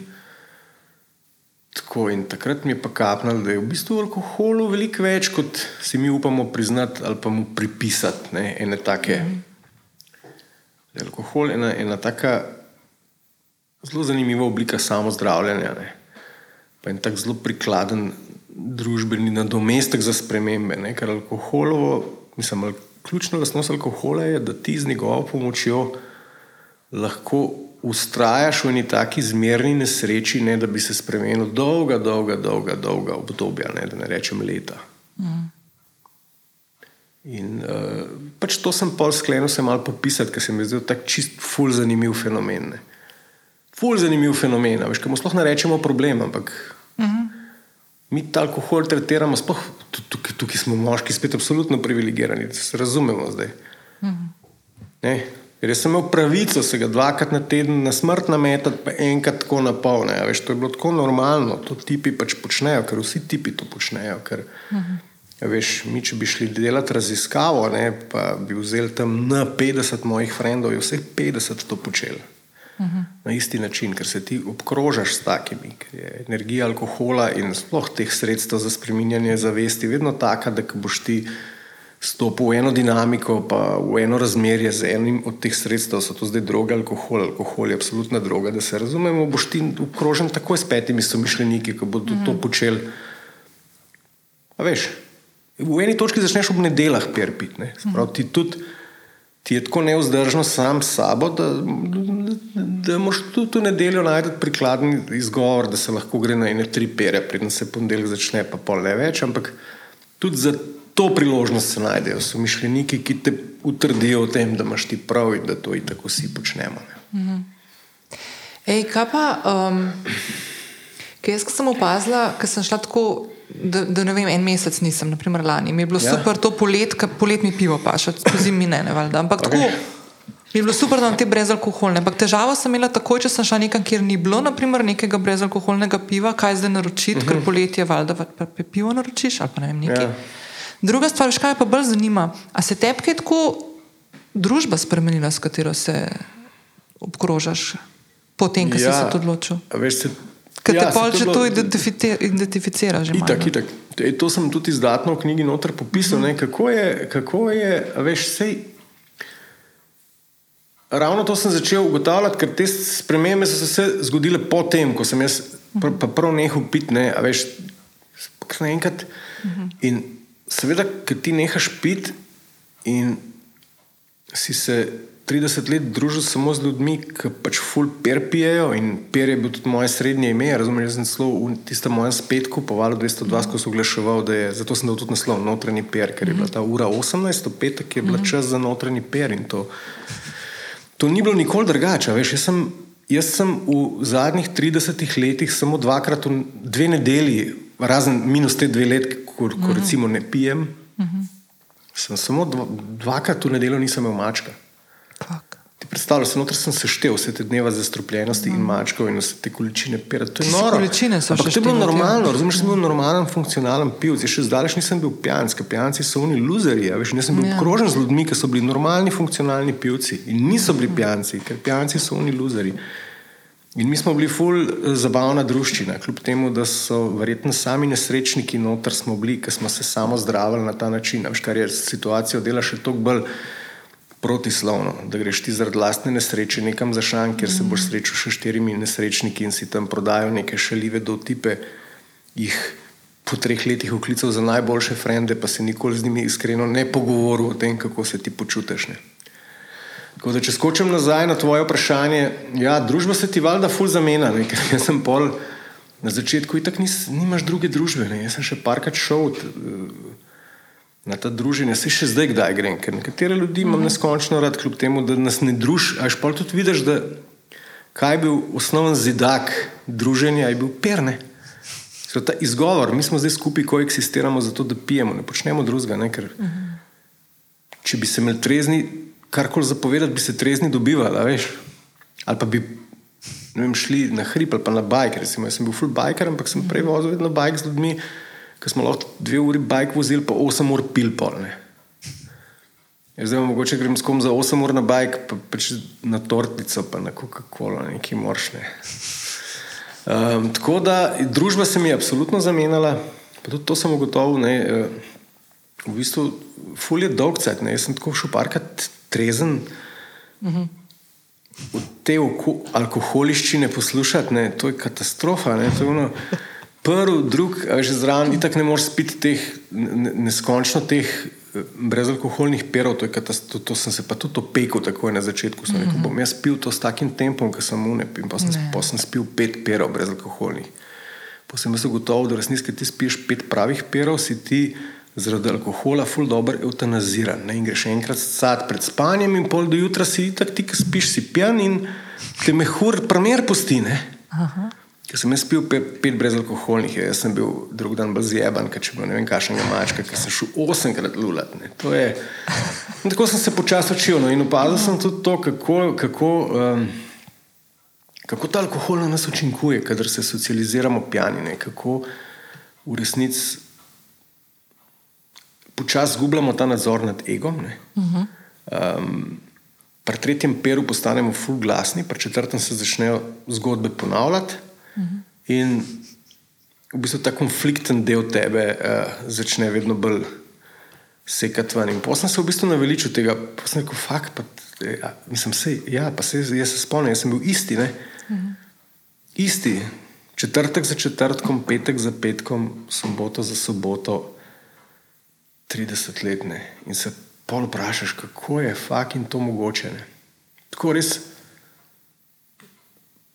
Prav, prav pustolovščina je bila te moje dve leti in ga ta zgolj tako opazovati samega sebe, life, kako se ti spremenja okrog tebe, zaradi ene take banalnosti, ki bi rekel, per, pa ni banalnost. Mm -hmm. Ni banalnost, ful je bila pomembna stvar pri meni. Ja, ful v bistvu del tvoje identitete postane, cel ta svet. Identitete, life. Ja. Ja, ja. Life moje družine.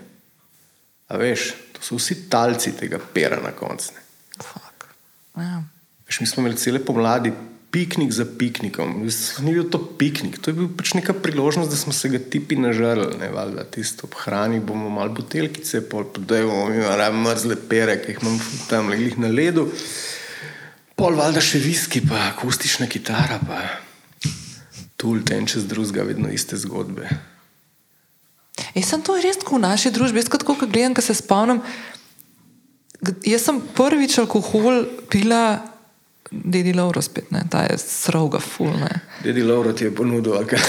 Mozart Kugelen liker? In on me je napil, ne? Prav vedo je, kaj je roko dati, veš?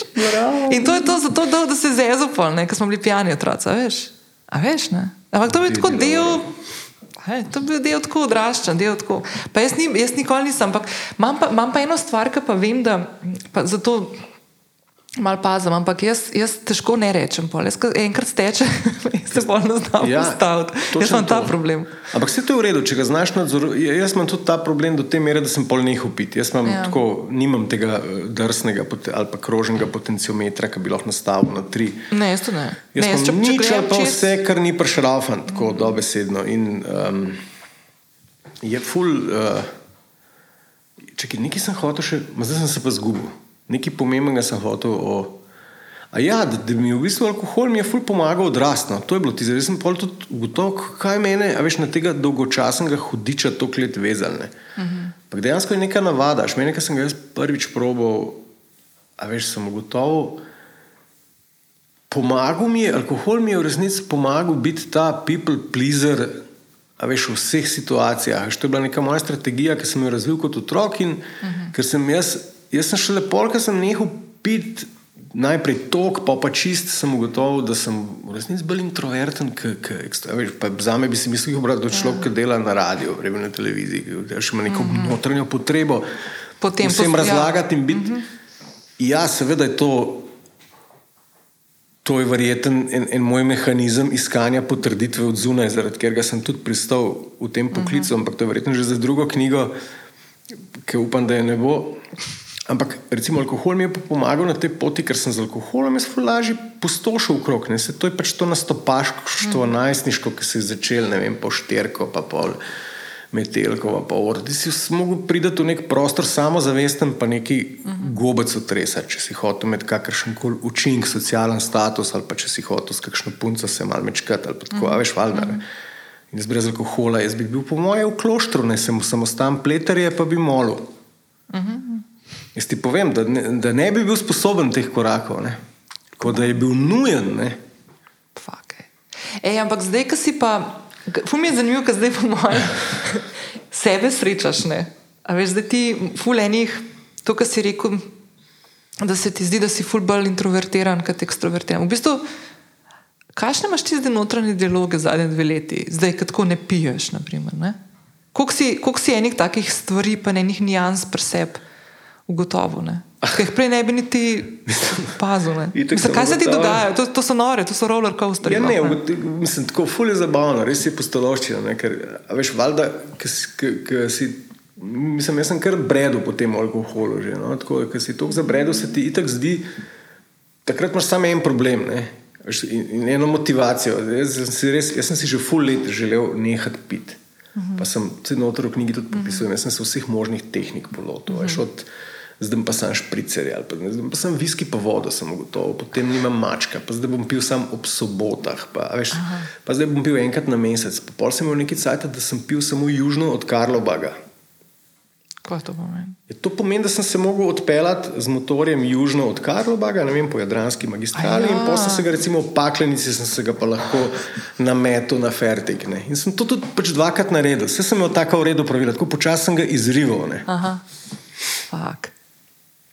Počasi sem ga izrival. No, ampak um, hočem reči, da je izginil, ne, mislim, pa ki ti nehaš, pa ti ugotoviš, da, da si ni, a veš, alkohol sam ful dobro maskira ene stvari. Mm -hmm. veš, in pol se šele to potovanje začne, ne, ker pomoš pa ti kar naenkrat uh, biti tam s tem, ne, ker alkohol. k- Jaz sem tudi, kaj sem jaz z njim želel dosegati. Ne? Poleg tega, da sem lažje komuniciral, pa lažje blebetal, pa bil lažje uh, z velikimi ljudmi. Jaz sem ugotovil, da ne maram biti z velikimi ljudmi.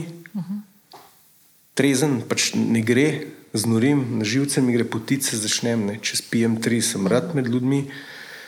V bistvu sem ugotovil, da, da, da alkohol ful maskira enih stvari, s katerimi se moraš pa pol spopasti, pa biti, pa, pa, pa se naučiti. ne. Kva pa zdaj brez tega? Ne? Sam sebe, ne? Sam Handlat. sebe, kdo pa te bo? Ne? No, sej. Sam sebe, valjda. Se jaz prvič vem, da sem šel tako prvič, sem šel na bratov koncert v Križanke. Tako da sem šel na tak mega dogodek, že nekaj časa nisem pil, pa tako, ampak nisem pa hodil mm -hmm. na te neke polne križanke. ali da. Mene vsi poznajo in jaz tam pridem noč skozi one durine. In to je pač tako običajen protokol, se veš tam, "Aaa, tš, objem, aaa, objem, tš, o, kje si ti, objem, tš, tako vse nekaj poznaš, veš, neki žlahte, neki teh sodelavcev, valjda so vsi neki objemali. Jaz sem bil tako, prideva z mojo ženo, tja, veš, do unih naslednjih vrat, ko stopaš noter v prizorišče, jaz sem že čez prešice in sem rekel, ne, fak. Bi za mene še eno ubil, jaz ga bom na gobec presežen. Jaz sem šport, nekam sem se skril in čistko, res težko. Takrat sem začel pomišljati, pa se mogoče pa s tem ni nič narobe. Pač, sam, Ja. ne, pač se pa ne boš več dajal v take situacije. Ne, pa, ne vem, uh -huh. Ne, pa se pomalo se naučiš tega. To.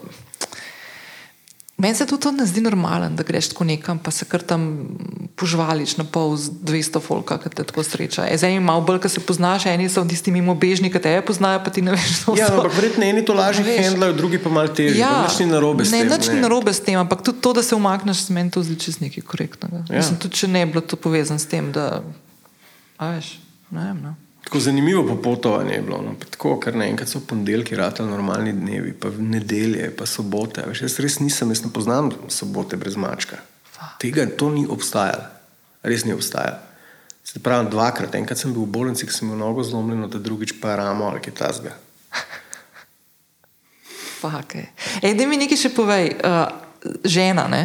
Ja, Okay. ah, ona je pa že zdavni nehala piti, ona ni bila nikoli. Pa nekaj drugega sem te hotel A ja, vprašati. vprašaj. Ne, ne, kul, kul. Ej, tole, ona je ilustratorka tvojih Ja, ja, naslovnic. Ja. Um, kako je pa delati z ženo? A veš, ko se lotiš tako ene take stvari, zdaj ti bom bolj povedala, zakaj te to sprašujem. Ja, super. Kako, aj dobro. Mislim, Je čist pustiš, da naredim. popolnoma je pustim. Okay. Valjda, mislim, jaz ne, mislim, ona mi tako skozi teži, kdaj bom tekste dal, ker jaz to skrivam, veš, ker mi je nero- neroden, ne. Aha. No, to je to, to. Ja, Ti neroden. neroden je, ja. Ja, ne. ja. A se ti zdi, da tako zvedla, kakšna stvar, ki je mogoče ni? Ne, nasploh mi je neroden, veš, jaz, to, to, to je ena stvar, ki jo moram tudi uh, pri sebi spremeniti. Meni je tako neroden, veš, jaz očitno, ne vem, po moje so mi tokrat rekli v otroštvu, da navnad z mene, da, da še zdaj verjamem, da navnad z mene. Veš, in mi je ful težko od sebe stvari uh -huh. dajati, vedno mislim, da so v resnici, da so slabe. Ne.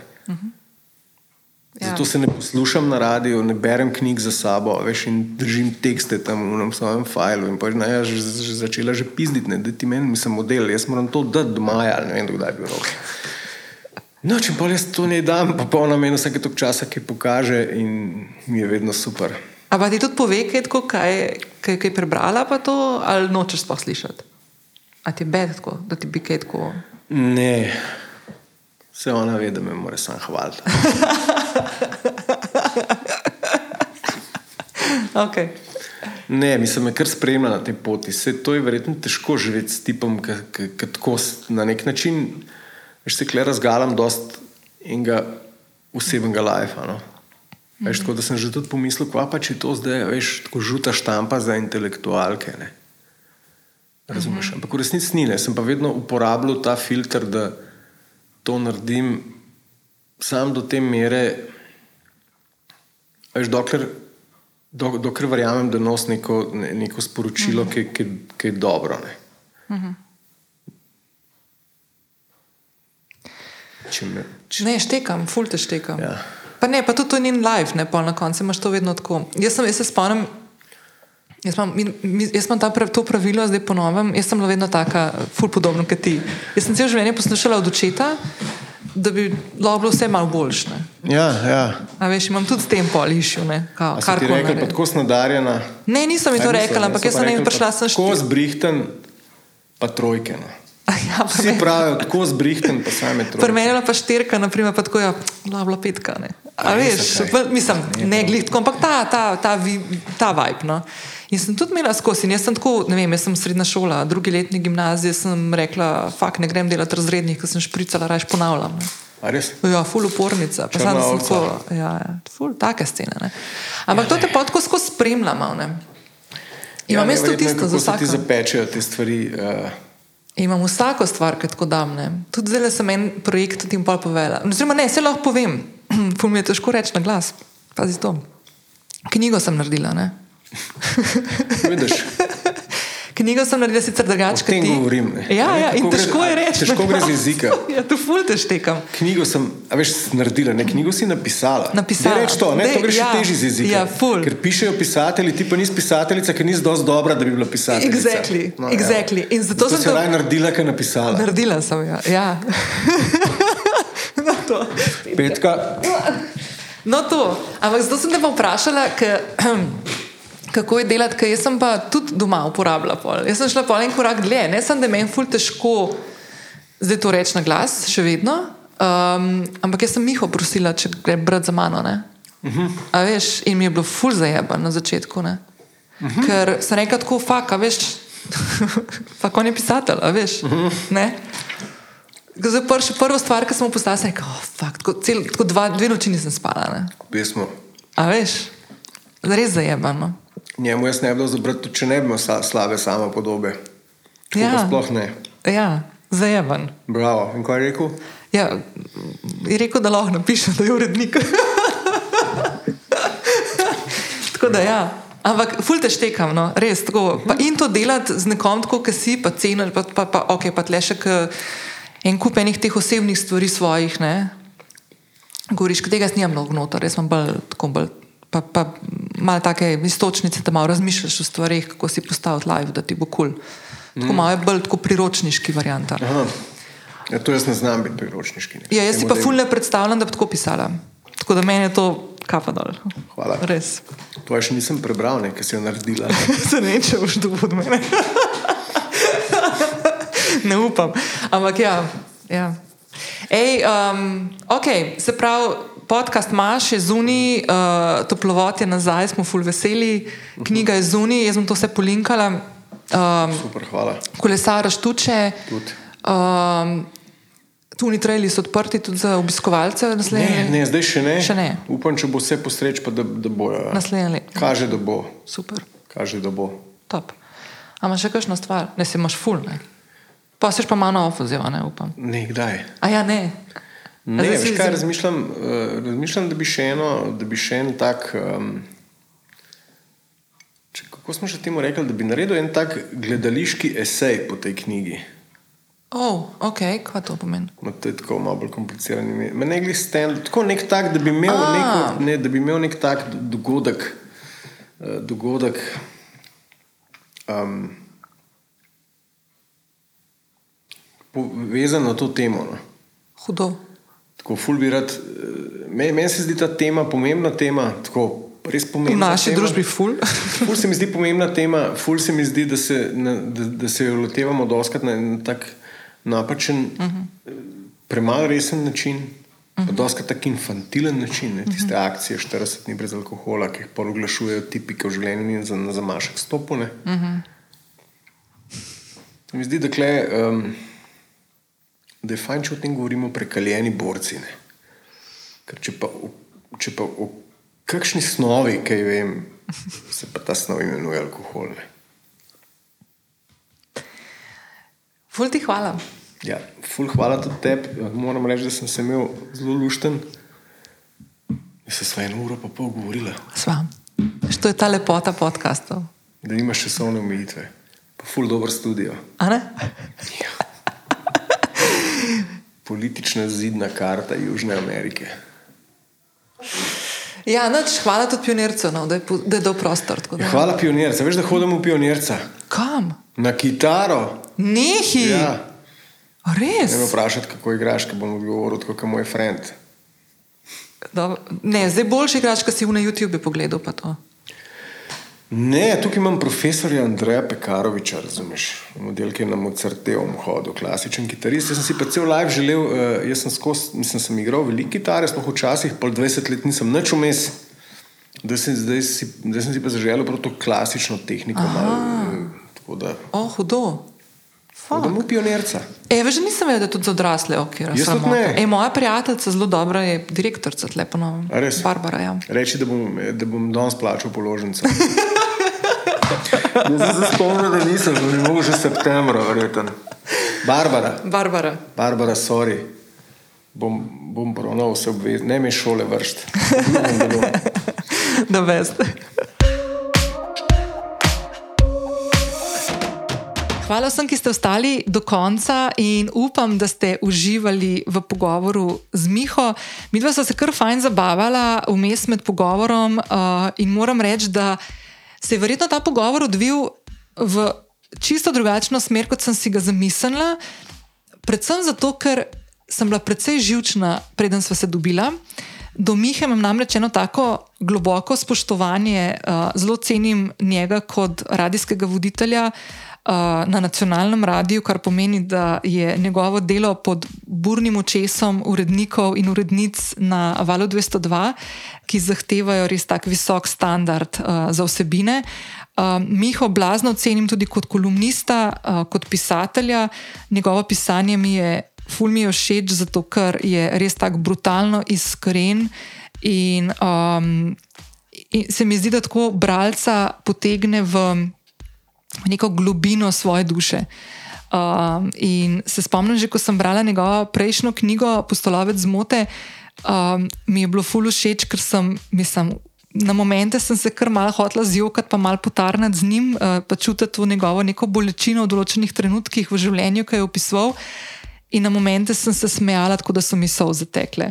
Um, tako da res je mojster besede, um, ful sem mu hvaležna, da si je vzel čas, ful mi je bilo prijetno se z njim pogovarjati. In zelo tak, um, to ne dobiš z vsakim eh, sogovornikom, tudi ko sicer v življenju. da So nekateri ljudje, ki te tako res um, dobiš občutek, da te. Da te Totalno razorožijo, tako da se res imaš občutek, da se poznaš že celo življenje, kot da si tam najboljši badi. In tako občutek sem imela z Miho uh, cel čas najnega pogovora, predtem, ko smo prežgala mikrofon in tudi kasneje. Tako da, Miha, ful, hvala, če tole poslušaš, drugače ti bom enkrat v priliki zavrtela, da boš slišal to zahvalo. Um, Hvala tudi vsem, ki uh, ste mi v zadnjih tednih pisali. Uh, ogromno vprašanje je prišlo, zdaj le v zadnjem času, predvsem za knjigo. Um, jaz bom res obljubim, da zelo kmalo objavljam malo več o sami vsebini, o konceptu knjige, lovim svoje ravnotežje.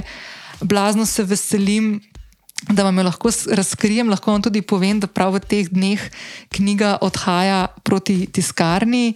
Um, Zelo sem prikupno živčna, ful se veselim, ampak malo sem pa tudi živčna, kar ste, po mojem, če ste tole zdaj poslušali, začutili. Ful mi je všeč, ker Miha točno šteko, o čem govoriva. Imamo tako malo težavo, uh, ko nekaj damo od sebe, uh, se mi zdi, da smo tako zelo ranljivi, uh, kar je nekaj čist normalnega. Ne? In um, jaz zdaj pošiljam knjigo v svet, kmalo bo prišla tudi v druge roke in se neizmerno veselim, imam pa tudi nek tak strah pred neznanim. Um, jaz sem v bistvu to knjigo, ne vem, če sem to omenila v, uh, v 192. epizodi, ko sem najavila prvič knjigo, um, da sem se te knjige lotila tako, ne, ne sama, ker za mano je vas podpore, um, ampak sem se te knjige lotila predvsem tako, da, da brez založbe. Jaz, jaz sem tista, ki uh, odgovarja za vse um, in za to, če bo knjiga dobro sprejeta in, in če morda ne bo. Um, riskiram prvič v življenju uh, kar veliko in se neizmerno veselim, kljub vsemu, čeprav me je strah. Um, sem pa vesela, ker imam ob sebi res krasne ljudi, ki mi stojijo ob strani, poleg vseh ljudi, ki so v mojem nekem podpornem sistemu, se moram tukaj res še enkrat, kot sem se že v 192. epizodi, še enkrat zahvaliti um, Mihi, mojemu Mihi. Uh, pisatelju, ki je prebral in se uh, z veseljem podpisal kot urednik pod mojo knjigo. Tako da, moj Miha Macini, najlepša hvala, res neizmerno sem ti hvaležna in nikoli ne bom pozabila tega, koliko sem se v bistvu naučila od tebe mm, med pisanjem in potem popravljanjem. Potem hvala moji sestrici Maji, ki je bila zadolžena za lekturo, je tak družinski projekt je bil. Um, potem absolutno vidi igličar najboljši oblikovalki daleč na okolji, ki je uh, knjigi dala končno podobo in um, moje zamisli in ideje opremila vizualno, da so na koncu dobili neko tako podobo, kot sem si jo jaz nekako v najbolj norih sanjah predstavljala. Ob, oziroma, še tako lahko povem, v bistvu je vida naredila en, en velik preskok pri meni, ker ta knjiga je dejansko, sem jaz imela občutek, da bo izgledala čisto drugače, pa mislim, da je zdaj na. Deseto potenco boljše od tistega, kar sem si jaz v najbolj norih sanjah predstavljala. Predvsem je pa ena stvar, ki lahko vam malo zaupam, um, lahko vam to povem, da je, da je knjiga tudi barvita, uh, kar ni ravno v mojem stilu in sem ful, ful, ful vesela in hvaležna vidi, da me je potisnila v to smer. Um, in še nešteto drugim ljudem, ki so bili del, tega, del te poti, um, ki so mi svoje mnenja zaupali, uh, povedali svoje feedbacke, uh, povedali, kaj mi je všeč, kaj morda ni všeč, in da sem na koncu lahko res od sebe dala en tak res res dober projekt in se fulj veselim, da ga dobite v svoje roke. Uh, Kmalo. Še enkrat hvala, hvala, hvala vsem, ki ste ostali z mano do konca. Se slišimo prihodnji teden z novim gostom in se blazno veselim, uh, da ga tudi prepoznate in spoznate v kakšni drugačni novi luči. Lepo se majte, čau!